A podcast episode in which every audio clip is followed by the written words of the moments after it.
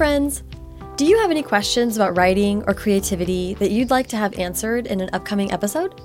I just set up a voicemail box and I would love to hear from you.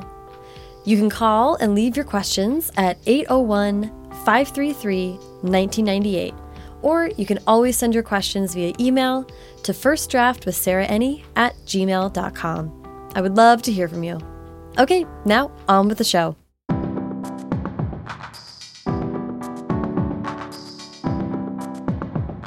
Welcome to First Draft with me, Sarah Enni. Today is the first of our August live episodes. All month, I'll be sharing recordings of live panels and Q&As that I have participated in or moderated over the last year, featuring some of my favorite writers getting silly and thoughtful in front of live audiences. Today's episode is from a panel called Pitter Patter Writing Fresh Love Stories, which was held in Charleston last fall at the annual YALLFest celebration. The panel features Siobhan Vivian, Kami Garcia, Stephanie Kate Strohm, and Jessica Brody. I loved what these contemporary romance writers had to say about make-out daydreams, writing about love in the time of Me Too, and the lack of appreciation for stories with happy endings. So please sit back, relax, and enjoy the conversation. We're going to get started here. I'm going to introduce myself. We're going to go down the line and have you guys give your bios. And then we're going to do some questions. I have a lot of questions for these ladies. And then we're also going to do audience questions. So, well, be thinking about what you want to ask these guys at the end of the panel. But first of all, my name is Sarah Enni. I am a YA author. Uh, my debut novel, Tell Me Everything, is coming out February 26th. It's really Woo! good. Thank good. you guys. So that's why I'm here. and I also have a podcast called First Draft, First Draft with Sarah Enni, where I interview a lot of YA authors, including uh, a lot of people that you've seen here today. Uh, so that's why I'm here moderating and asking questions. Uh, so let's go down the line and, and introduce yourselves. I am Kami Garcia. I am the shorter half of Beautiful Creatures and Dangerous Creatures. I am also by myself. I wrote two books in the Legion series. I wrote X Files Agent of Chaos, which is really good if you like the X Files, just saying. And um, I have two contemporary novels, which is this probably why I'm here at, the, at this. Um, the Lovely Reckless and my latest one that came out in, I think, February is Broken Beautiful Hearts and I'm also writing Teen Titans for DC Comics that comes out next summer. So next time I'm here, it will be here with me. Uh, hi, guys. I'm Stephanie Kate Strohm. I'm the author of It's Not Me, It's You, The Date to Save, Prince in Disguise, and Love a la Mode, and That's Not What I Heard, which is coming out later. Um, Love a la Mode is actually not technically out until the end of November, but it's here early. Woohoo! Um, and it is about uh, two American teens who go to a cooking school in Paris and smooch and eat a lot of bread. Love it. I'm interested. Yeah. Hi, I'm Siobhan Vivian. I'm the author of several YA contemporaries. The List is probably my best known book, um, but I'm here for a book that came out this year called Stay Sweet, which is a contempt romance. And I also co wrote the Burn for Burn series with my best friend Jenny Han. You might have heard of her. Hi, everyone. I'm Jessica Brody. This is my first YALLFest, and I'm so excited. Yeah. Um, yeah, so I wrote a bunch of books The Karma Club, My Life Undecided, 52 Reasons to Hate My Father, The Unremembered Trilogy. Yay! um, uh, the Unremembered Trilogy, A Week of Mondays, my, uh, In Some Other Life, and. Oh, yay. Was that for. Wait, what was that for? A Week of Mondays? Yes! Um, thank you very much. And I'm here today for my newest, The Geography of Lost Things. The real book's thicker than this. Uh, but all, this, is, this is all I got right now. Um, it's about a girl who goes on a very awkward road trip with her ex boyfriend. I know, I always get that reaction. I want to start with kind of a broad question just to get into it. This panel is called is called Pitter Patter, which first of all I just thought about my cat. it's like, oh, not that one. Um, and it's about writing fresh love stories. I'm interested for each of you if writing romance is that the first thing that comes to mind? Is that what drives you to write the stories? Or does it just kind of come along as you are writing these books? Is romance the priority, or does it kind of come along with the rest, the no, other stories? I, well, I kind of plot them like there's two plots. There's like, if I'm writing fantasy, it's different. But when I write a contemporary, it's like, what is, you know, what's the problem or the thing going on with my main character characters and then at the same time i'm like plotting the romance. Because like in the midst of that where you know like where are we gonna meet? Where are we gonna hold hands? Where are we gonna get a big fight? And that kind of stuff. Maybe we'll kiss. But all my books have except for the uh, the x files it has like some flirting but there's too much there's more killing in that one. All my other books have romance some of some sort Uh, for me, the romance always comes first. So the first thing I think of is the girl, and then usually the love interest, and then. But I, I don't. I don't mean that in a like the the boy is like the sum total of the story because I, I feel like for me it's really important when writing a romance. I want to write a story of someone who finds out how to fall in love with herself, and also along the way falls in love with someone real swoony. But I feel like the romance is always the first part of that puzzle. I would say it's sort of like a layer cake of romance for me, sort of in this in the same way. Like uh, the first thing I have to do is fall in love with the girl, and then I have to fall in love with her friend, and then I have to you know fall in love with the world. And I would say the boy is kind of the last piece because I need to have everything else set to know just the kind of facets that I want to give him so he is the perfect fit for her and her world. But those are the things that kind of drive it first. And the boy's always, you know, I'm cherry picking from all my ex boyfriends and people who I've loved and trying to figure out what version of my past romance can fit perfectly into this. Into this book. I love that. Yeah, for me, it's uh, similar to Siobhan. I come up with a premise first. I come up with a journey for my main character to go on, and then I try to figure out where the love comes, the love interest comes into that, and how they can help them on that journey. That's usually how I approach a book. Like with A Week of Mondays, it was about a girl who relives the same day over and over and over, and so that was the journey she had to go on. And then the love interest I put in there was someone who she obviously didn't notice until the very last day. And so that's how she was like helped by the love interest. Funny enough, with this book, I started out with like, I'm gonna write a total like 100% romance and it's gonna take place on the road between this girl and her ex-boyfriend. And then I turned in the first draft and my editor was like, yeah, um, I feel like the romance needs to be like the second thing and we need something else. So can we like make it more about like her and her dad? I was like, yeah. So um, I, I, lesson learned, just like for me, start with the, the story and then add the romance after. I love that. I also like Siobhan. I want I the origin story for Stay Sweet. I love because it's kind of about how boys stink. Yeah, uh, definitely one like boy. a lived experience of mine.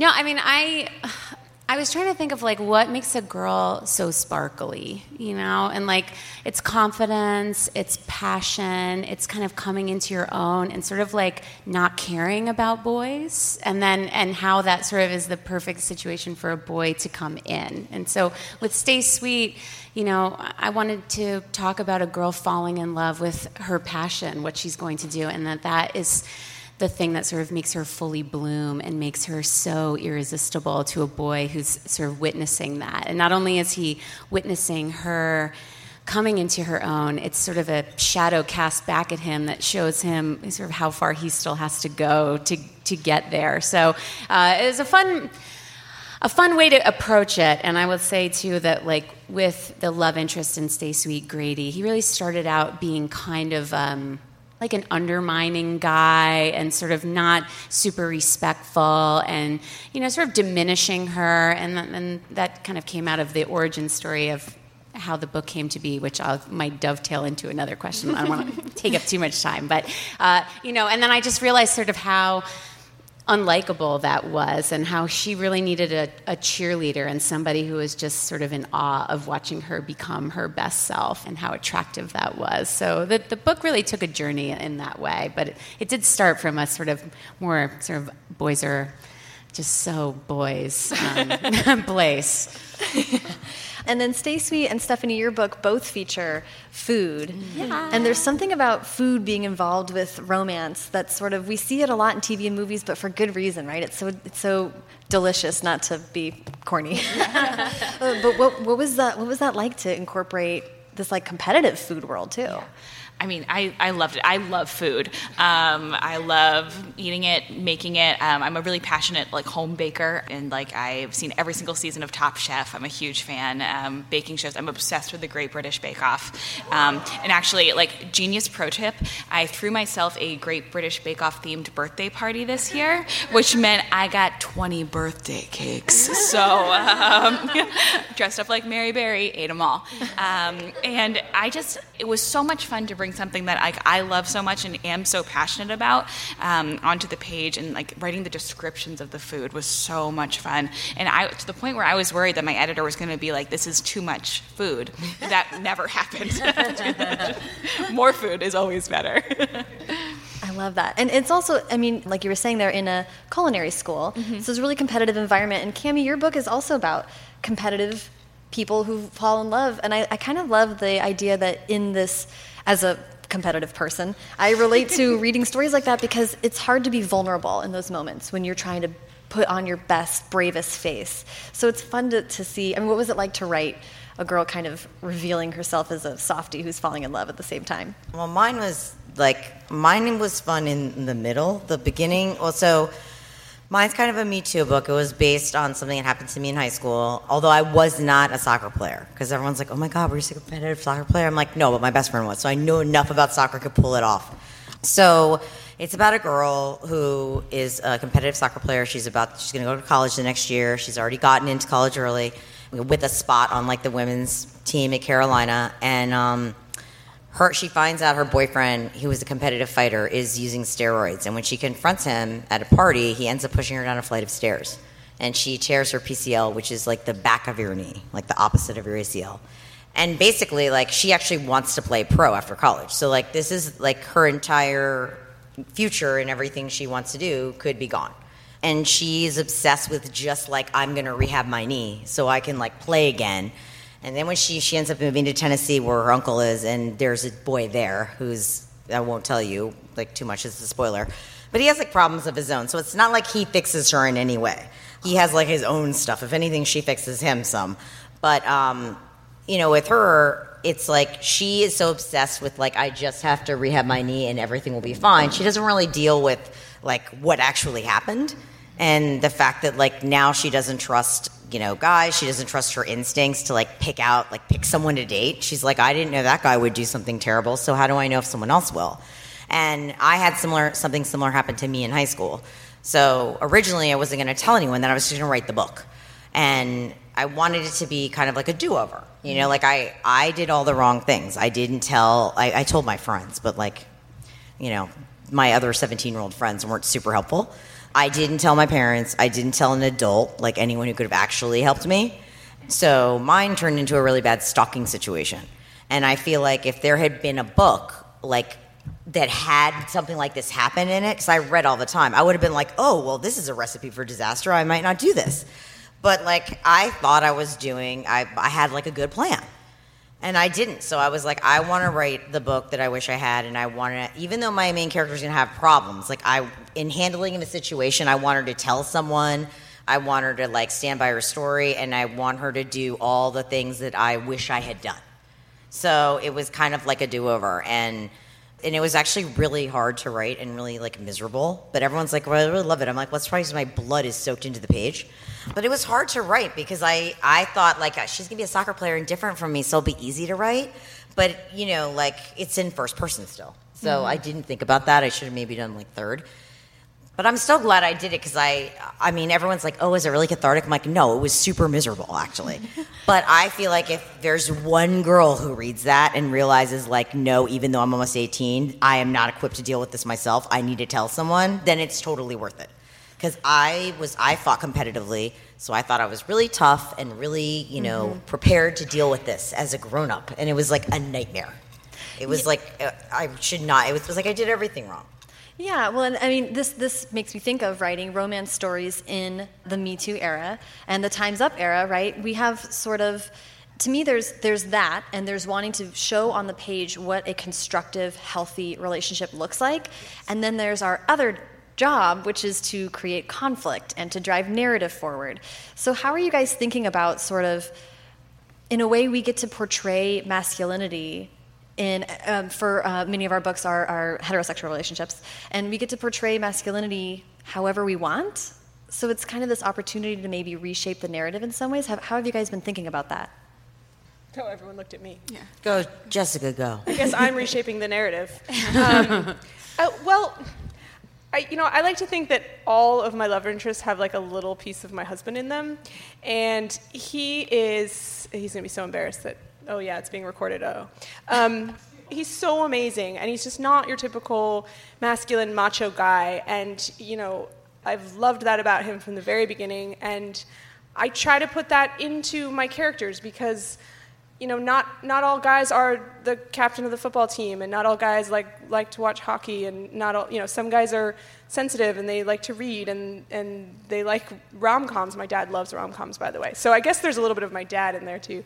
So I've had these like amazing male figures in my life, and, and I like to put those in my books because I want, you know, not all the boys I write about are peaches, but the ones that the girls end up with, I like to make sure that they're a good example of what masculinity can look like in an untraditional sense, and that you know the girls don't always fall for the macho guys in the end, and that's okay, and that's very important to me. So I think that's what I try to focus on with all my love interests. And if anyone's read my books, you probably have caught on to that that they're not those typical um, like macho macho guys.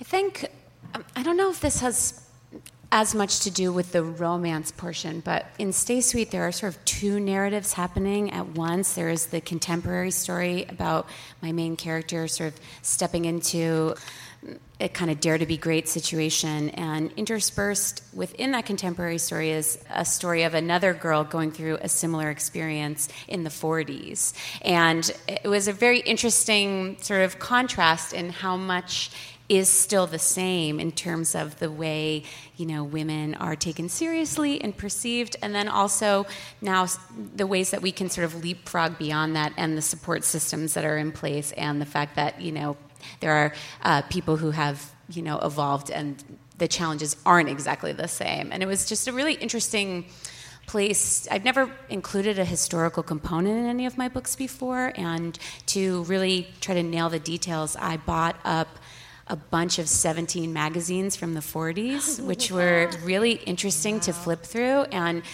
at first, when I received them, it was kind of what you expected, where imagine like your 17 magazine now, but every prom dress ad was a wedding dress ad. Oh so that was very weird. But there was also this undercurrent of strength and girls sort of awakening to, you know, some race issues that weren't really sort of touched on in the country until the 60s. And it just showed me that, you know, though we have maybe a, an idea about like the demureness of women in the past, that it's actually not that accurate. And there were sort of badasses the whole way through. And that was really just a fun thing to sort of show in the book. I put a post-it on my computer sometimes that says "boys are people too," um, because you, you, know, you know how there are some girls who are like, "I'm only friends with guys. There's no drama." I'm the opposite of that girl. Like I've only ever had female friends my whole life, and but now I am married to a man, and I feel like getting to know him, like blew my mind. Like he had like drama with his friends sometimes, and like he's a very sensitive boy who cries at things sometimes. And I was like, oh my god, boys are, are feelings, um, and uh, like it was a total revelation for me. And so it's something I always try to keep conscious of while I'm writing that like boys are not like this weird other. They are also people with feelings who do things. That was it was very eye opening. I wrote a book called Boys of Summer, and it was three boy points of view, yeah. and I'd never written a boy point of view, and I chose to write three. And it was like super challenging, but same discovery. I was like, oh, boys have boy drama. Yeah. And they have boy code, like the guy code or whatever, bro code, whatever it's called, and they break it. Yeah. and it causes drama, and it was fun. Yeah. yeah super fun. I'm the opposite. I have four brothers.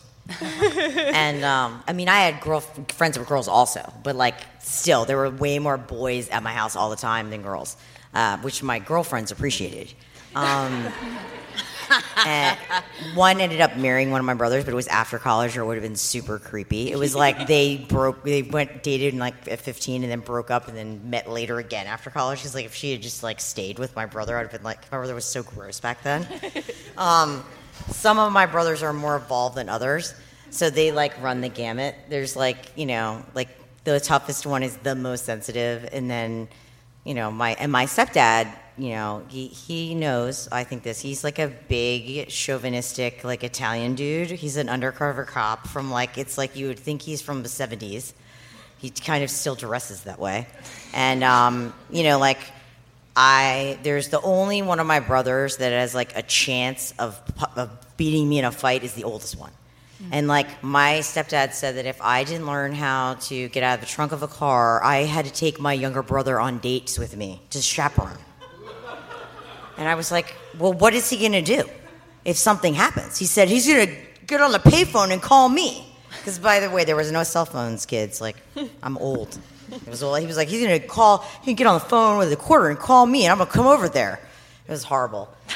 So I have a lot of weird skills. But for me, like, in, it's true, like, in that, in, in both The Lovely Reckless and in Broken Beautiful Hearts, the girls are actually the badasses. The boy is super sweet in Broken Beautiful Hearts that she meets later. But he is the one who's more broken and has some like stuff of his own that she actually helps him with. So it's not like he comes in the scene and like she they fall in love and he like fixes her up. And the same with the lovely reckless. It's like this boy has problems and she is the one who like steps up. And I think that's just because I most of the girls I know are way tougher than the boys I know and they have to like deal with stuff and you know like i was the second oldest and i just had to do stuff like even if it was hard and it sucked and my brothers would be like oh, i can't do that I'm like they're so ridiculous. They're very dramatic. And if they get like sick oh my god. Like they could definitely not have a baby. Like if my and if my husband gets like if my he's not here this year like if my husband gets the flu it's like you would i swear to god it's like it's like appendicitis. And he's like, you know, like, oh, so, I'm so sick, he can't get out of bed. So I think girls are tougher by nature. But I do agree with Jessica. I don't want to. I don't want to. I'm not trying to teach people things in the books in that way, but I'm trying to show examples of girls who are not all. I mean, I don't think all girls are attracted to the same kinds of guys, and I'm trying to show that there are like other kinds of guys that can be sexy and cool that don't have to be chauvinists. But there are also in the book, they're very funny because I know my book sounds a little heavy at the beginning. She, her cousins were twin football players in Tennessee whose mother died when they were younger are not super evolved. They're like one of my brothers. And like they want to protect her. They are really excited when she moves in because she thinks they're going to cook for her, for them. You know, like she's going to come in and start making dinner and it's a rude awakening and they have to you know adapt and realize that like she was like well i don't know what you're eating you guys are going to still eat stouffer's that's what's happening but you know like i also wanted to show that that there's also guys that like they might not necessarily know better but like like they can come around too. Like they just might need like the right you know cousin or friend that's a girl to help them yeah i feel like there's i feel like we're in a moment of sort of shifting concepts of what's idealized. Uh, this is kind of a roundabout story, forgive me, but there was a GQ article recently about this actor Zach Woods. Do you guys know who that is? He's on Silicon Valley and he was on oh, The yeah, Office. Yeah. He's a tall, gangly looking, really funny guy. I have been like sort of weirdly into him for a long time. So I was all over this GQ article. I think he's like really cute. Is he's super weird? cute because he's so funny and he's very personable. And uh, his character in Silicon Valley is very quiet and demure. He's their lawyer, so he's always like, mm, guys, this isn't a great idea. And then uh, at some, I think it was season two or three, they revealed that he is like the only one of that bunch who uh, dates a lot and is really uh, successfully dating with women. And I loved it. And in the GQ article, they made a point that like that's sort of like where we're moving now. Is like this beta male image is, especially to a younger generation, so ideal. It's so nice. It's so great that men can be that softer version of whatever we think of masculinity. It's wonderful. And I'll just say that in my book, Tell Me Everything, the pitch is if Amelie had Instagram. So this girl falls in love with people who are posting anonymous things to a social media site, and she makes assumptions about who's posting what, and it leads her to make really wrong assumptions about these two men in her life, these two love interests in her life, um, because she she has this sort of masculine concept in her mind, uh, and she really messes up. but it's cool because I, I, I, realized after I wrote it, like, oh, I, I, I, gave those guys the chance to be different, which made me really happy. Yeah. Even playing with that in my own mind made me feel better, you know? So I want to ask about rom com kind of cliches. Like when we talk about ro- romance stories, man, there's a lot of things that we see over and over again. But how do we keep them fresh? Because I think when they are done fresh, they're still so fun. How do you guys m- deal with looking at a romance story and making sure that it still feels new? it stumped us all. I think it's all in the details, yeah. you know, like everybody is going to have a first kiss, and it's the magic of the circumstances of that first kiss. And I just love daydreaming places to make out. Like, that's just so fun to me. And, uh, you know, it's the perfect kiss and where does it happen and how does it happen? It's choreography, you know, it's location, it's the stuff going on in the background. And all those specificities, I think, really ignite, you know, a story into making it feel really original because it is for those people you've created, right? So. I also like I like some of the cliches, you know? Like I I like reading or watching a rom com and like kind of knowing that like this will happen and then that'll happen. Like there's something like I I love the rom com like as a genre slash art form and I, I like really like respect it and I'm into it and like I like being kind of part of that larger picture and that fabric. But something something recently I've been really into is I feel like we, we get a lot of like enemies to lovers and recently I've just been loving like people who like each other from the beginning. Like not insta love, but just to people who are like, yeah, I, I like spending time with you, and like that's that's something I've been really liking. Yeah, I, I, am a big fan of the enemies to lovers, and uh, I did it in 52 Reasons to Hate My Father. And with this one, with Geography of Lost Things, I wanted to do a twist on it, yeah. which is that they're enemies not on first sight because they automatically clash, but they actually once were those insta love people, yeah. and now they've fallen apart. So it's sort of like an exploration of like, well, what happens after the insta love? and like when you have that like initial amazing connection, and you you do get to read about that in all of these random flashbacks that she has along the way. So you you get to like piece together like how did these two people get together, and more importantly, how did they like fall apart? And so I liked taking that and twisting it, and now they're on this road trip together, and they've got all this animosity, and they're throwing these like witty repartee back and forth, right? And they're using all of these inside jokes that you don't know as the reader. But you slowly find out as you get to these flashbacks. And that was like a really fun twist that I got to do with narrative and timing and chronology of like how a story is told because when you write a book you have to decide where am i putting the reader in at the beginning like what part of this process is the reader getting dropped in and it doesn't always, it's not always like, and then I was born, and here's my story. it's usually somewhere in the middle, and I really try to kind of twist that like enemy to lover because it's, it's more like lover to enemy to lover. it's fun. That sounds awesome. yeah. For me, I agree. I just think if you, it's in the details. I think tropes are popular for a reason because they work, you know, friends to lovers, enemies to lovers, love triangle. People are like, I hate love triangles. I'm like, well, that's because you're reading ones that aren't written well. Like, because a good love triangle is awesome. Yeah. You know, like, I mean, Mortal Instruments, like, yeah, pulled it off for how many books? Like, it's all about the characters and the tension. And for me, it's like, I agree. If you, with Siobhan, if you treat your characters like they're real people, mm-hmm. they, and they have like, different weird quirks and fears and like you know they meet under you know a specific set of circumstances like their relationship becomes like a real thing and it becomes more organic when if you're trying to follow like a formula like i want to write the next fault in our stars and it's going to be just like the fault in our stars except for like it's going to be you know someone's going to have a car accident and we're going to go to Amsterdam instead or, or whatever, or Germany instead. It's like you have to just like create your people and your problem. And then I think that like the trope is there, but it's kind of disguised. Mm-hmm. It's like buried in a cool way where people are like, okay, I know this. Like they're friends. I think they're going to fall in love by the end of the book, but you don't really know how.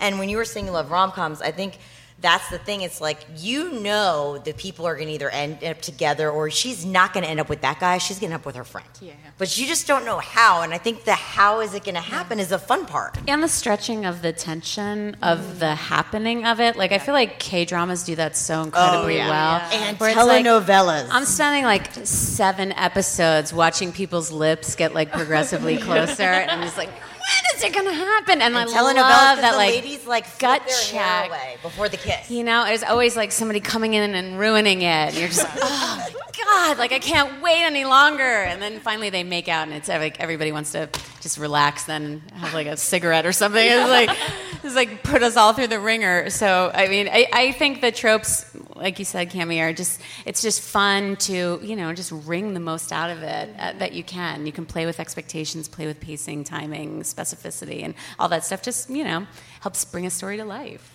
The tropes are always are also like deeply satisfying to the reader. You know, I feel like when people get mad about tropes, I'm like, well, I don't know. When I watch Ocean's Eleven, I know that they're gonna get away with it, but I love every minute. Imagine the like alternate version of Ocean's Eleven where they just all get arrested, arrested. in jail and sad. Yeah, or they're like, you know what? This isn't a good idea. I'm gonna go home. It's like, no, that's not what we Every want. heist movie, it's about how do they do the heist. It's not about whether or not they're going to get the thing. Yes. You pretty much know they're going to get the thing. Yeah. So, so I, I, I want to ask about uh, a couple more questions, and then we'll get to audience questions. But I'd love to hear whether or to what degree you guys bring in. A couple of you mentioned already, but bring in your past romances to how you write about love now. Some of us, you know, are married and have been with people for a while, and like remembering the firsts. How do you kind of get into that? Well, if anyone is in my last panel, this will you guys already can like recite it with me. But um, I'm doing a reading at Juvenilia at the SmackDown. I'm doing a reading from my teenage diary.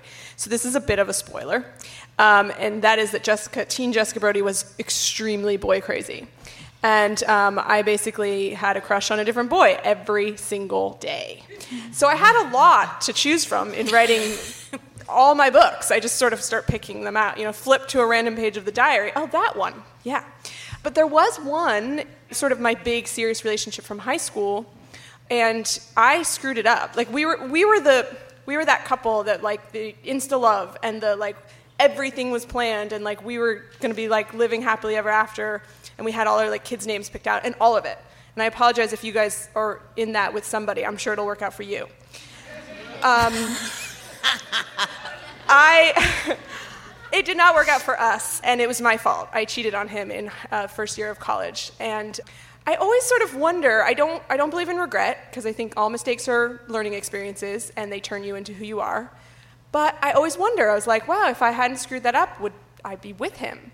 Would I have gotten a second chance to make things right? And that's what this book's about. It's about a second chance to make things right. And I actually didn't realize it until someone asked this very question in the last panel. I was like, yeah, I guess that's what I was doing in this book is I was sort of replaying that in my head like do when you do get a second chance, which these two characters do, how do you make it right? And how do you twist the kaleidoscope so there's a, a different picture of what you always thought was the picture? So I think that's a little bit of my what if seeping into this book. The best thing about Facebook is that whenever one of my books come out, except this one, all my ex boyfriends start messaging me to see if they are the character in the book. so when Beautiful Creatures came out, like like people would say, "Oh, is you know." You know, is Ethan based on one of you know a guy you guys dated in high school? I was like, no, he's based on every guy we didn't date in high school. Like, so this one, like, none of my exes wanted to get to be the star of, but like, you know, and Marco's like an awesome bad boy. So like every one of my boyfriends who had like ever driven a fast car or gotten in trouble, which was a lot of them, were all messaging me being like, and the Lovely Reckless like, that he's based on me, right? And I was like, no. and like you want to like let them believe it, but it's also so gross. So I'm like, no, they're not based on you. So for me, this one was, but usually it's like I was almost like basing them on like the guy I wish I had dated in high school instead of like all the you know, I had like really bad taste when I was younger. My husband's like awesome, but like I it took like a long time to get there. When I was in high school, I like barely even talked to a boy. I was also super boy crazy, but terrified of them. And then I got to college, and I was like, no more. Uh, so I joined the cheerleading squad. Basically, gave myself an entire personality makeover, and was like, I'm hot now. Um, and uh, started like my senior. This just in. Yeah, I'm hot, now. Watch out, Vermont. Um, and I started like secretly dating this guy senior year who was the captain of the mathlete team at my college, and I was like, "Don't tell anybody." Um, I was some monster, um, and then realized by like graduation that like I really liked him, and he'd like been trying to make our relationship official, and I was like, "No, get out of here!" And then I was like, "I made a mistake. I love you," and he was like, "Too late." Um, so, like a normal person, I wrote a book in which he was the love interest, and the character that was like me ended up with him. Um, but I don't know if you knew this, but it takes a long time to publish a book. So by the time it came out two years later, I had met the man who became my husband. And then the book was published. I rolled up at my college reunion, and everyone was like, "Oh, so you're in love with Sam?" And I was like. I, that's why you don't go to your you don't go I, to your I had reunion. I had that happen, which is my the book before Stay Sweet. It's called The Last Boy and Girl in the World, and it was basically me cosplaying the boy who I loved in high school, like falling in love with me. Yeah. And it was shameless, like how clearly this was. let's call him Lat Luthern, um, but yeah, his name is. Um, he he to the point where like I just sort of openly began to talk about how I was so in love with he had no idea that I was alive. But this story was him suddenly turning and being like, "Oh my god, Vaughn, I love you. what?" You know. Uh, and then I gave a reading in my hometown Barnes and Noble, filled with my high school friends, former teachers, and wife. I could have like just inverted my entire body, crawled inside of myself, and just like slumped off the stage like a bloody pile of organs. That was like the level of humiliation I felt. But like he's still so hot in the book. Yeah, yeah. You know, like I don't, I no, re- no regrets, no regrets. I did get to French him in my mind. That's normal. I love that. It's normal. I feel like so. I I was Also, I I'm happily married, and you know, it's like not so secret, secret. but- that I am such a pessimist. Like if I were writing that book, I would know there would be a situation where I would run into him and have he would like have the book and be like, "This is all about me," right? That's the kind of luck Look, I have. I did go down like several internet research holes, like find you know keeping tabs on him. That's how I knew his wife was Oh in the my crowd.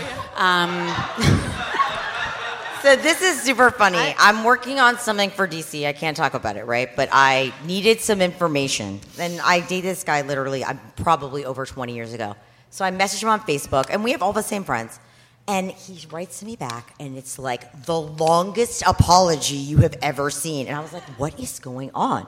And apparently, I I don't know. I guess like he must have thought I was very wrecked after our breakup, um, even though I broke up with him. And um, I was like, I had to try to like segue this into like, I really want to ask you about chemicals. And it finally became clear. And he was like, wait a second. He was like, did you message me because you want to know about like chemical warfare? And I was like, well, no. But like now that you brought it up, like you are a chemical warfare specialist in the Marine Corps, and he was like, "Kami, you are such a terrible liar." And he's like, "And now I'm super embarrassed." But I'm not kidding. Like that was like a seven-page apology, and it was all about how like he hoped I I seemed super successful, and I he saw my cute kids on Facebook, so it seemed like I had mended well. And but I let him kind of. I didn't want to like hurt his feelings, so I was like, you know Yeah. what? I mended well. I really, but I still try to think about like, what does he think happened at the end of that relationship? also the the hubris to be like, I know that you're married with kids. No, but it was what it was. It was so weird though because it was cute in a sad way. Like he had been like really torturing himself about like like you were saying. I was really a jerk back then, and I've always wanted to have a like opportunity to tell you I was sorry. But then I was trying to think about, but like, what was he sorry for after I dumped him? Like, I'm not. I'm unclear, but I, I totally was like one of those moments where you were like, I'm gonna let someone have like feel because he felt really good about apologizing. Right. And and again, we're talking about evolution. That's what you want a guy or a girl to learn. Like, you know what? If I'm a jerk, I need to go back and apologize. So I was like, I'm just gonna like. He's married. He's a cute little girl. I was like, I'm gonna leave it alone and let him believe somehow that he might have broken up with me, even though like there is no way in hell that happened. That is that is very interesting. It was very strange. Uh, as someone who's been divorced, I was like, oh, if I got something like that, my only response would be like, it's very cute that you think you have the power to ruin my life. Well, there are people that I would say that to, and I would say, and by the way, yes, I am really successful, and it looks like you're Yeah, digging I don't like dishes, his and caveat that's of 'cause you're a liar. seems. Seems is like a little bit, you know, Like- like like it's a little bit I of have- an ego I thing. I dated there. such awful guys when I was younger that there's like a huge division between the awful ones and then this like just like slightly bad ones that really weren't terrible. Like the really bad ones, like I had one like write me and I was like, I don't know who you think you're writing, but unless you want someone to set you on fire so you can burn in hell, don't write me again. Girls, don't say that to anyone. But it was a bad guy. If you read my book, it was a bad guy. He deserved it. All right. Well, Just saying. Once in a while, you have to flex your lady muscles. It's true. It's true. Um, and, and actually, we are at the point of talking to audience questions, so we can maybe write some vengeful Facebook posts. Yeah, you can for ask guys Sarah what you she'll want that. write if the ex writes her or something like that. She'll I'm be all like, about it. All about it. Um, uh, but yeah, do you, does anyone in the audience have a question for the panel? Yeah, go for I it. I always like the brave first question asker. I know. I, I appreciate them. Yeah, go for it. Uh,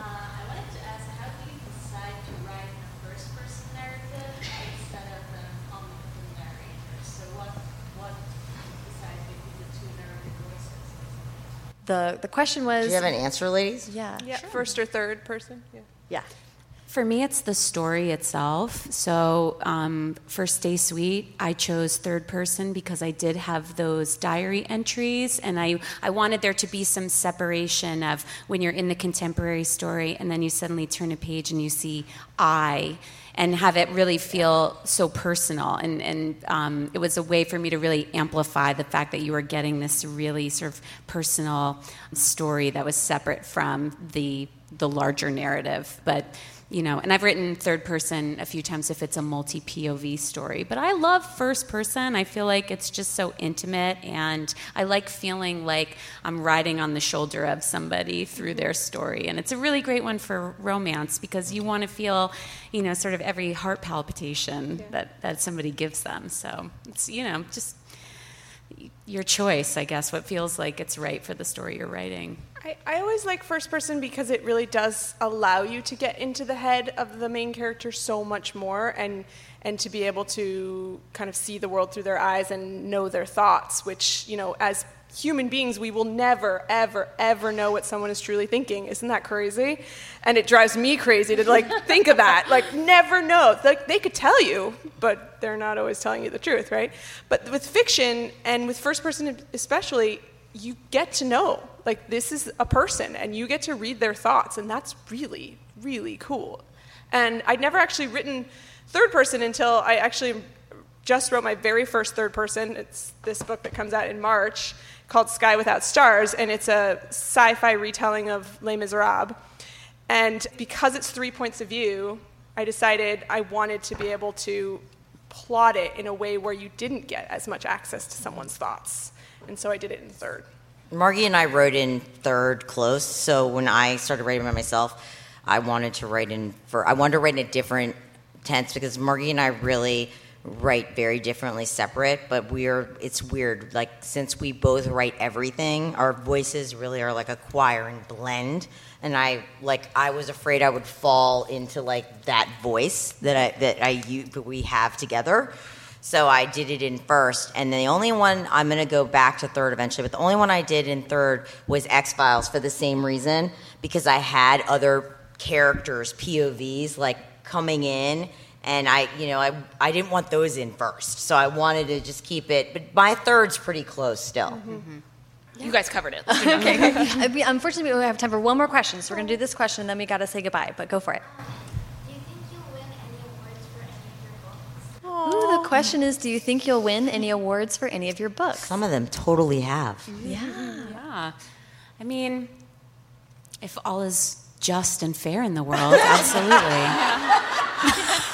Although, although I will say, I feel like like romance and especially like the kind of happily ever after romance that a lot of us write doesn't get as much respect It as I think it doesn't. should. You know, People act like it's really easy to write because it doesn't have like, because like whatever they're kissing and stuff like that. But I, it's not easy to write. I wrote fantasy first. It's way easier to write fantasy. I think too, like this is gonna sound so corny, so I apologize, but like I get to write a book in my room, and then it like appears in a store, and somebody buys it, and then I get on a plane, I come to Charleston, and people like want to hear what I have to say, and you know, it sort of feels already like we won in like the life dream thing. I mean, I didn't end up with, so I guess it's like a bittersweet. Yeah. Um, but mostly, I feel like I kind of won.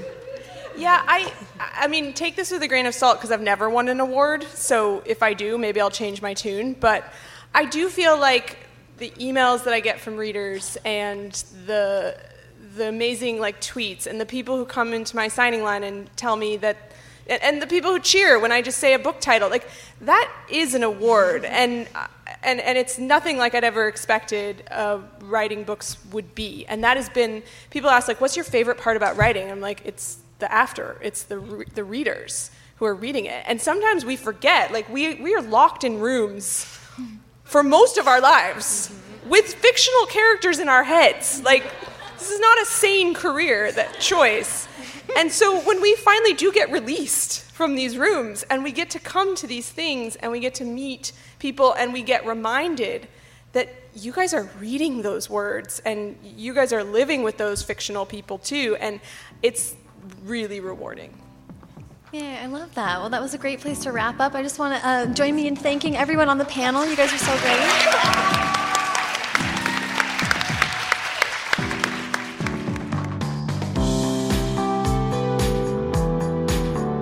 Thank you so much to Siobhan, Kami, Stephanie, Jessica, and YALLFest.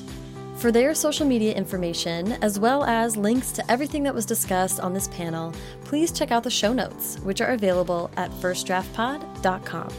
You can follow me on Instagram and Twitter at Sarah Enni, and the show at First Draft Pod.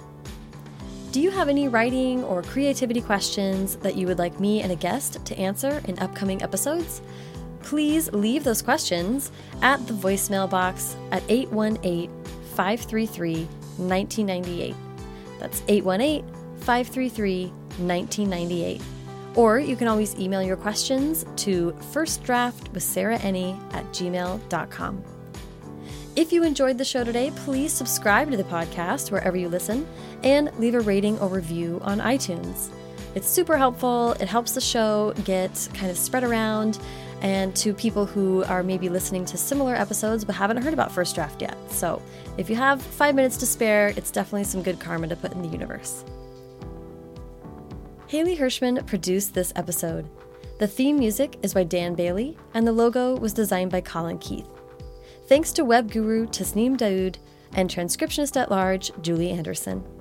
And as ever, thanks to you for listening.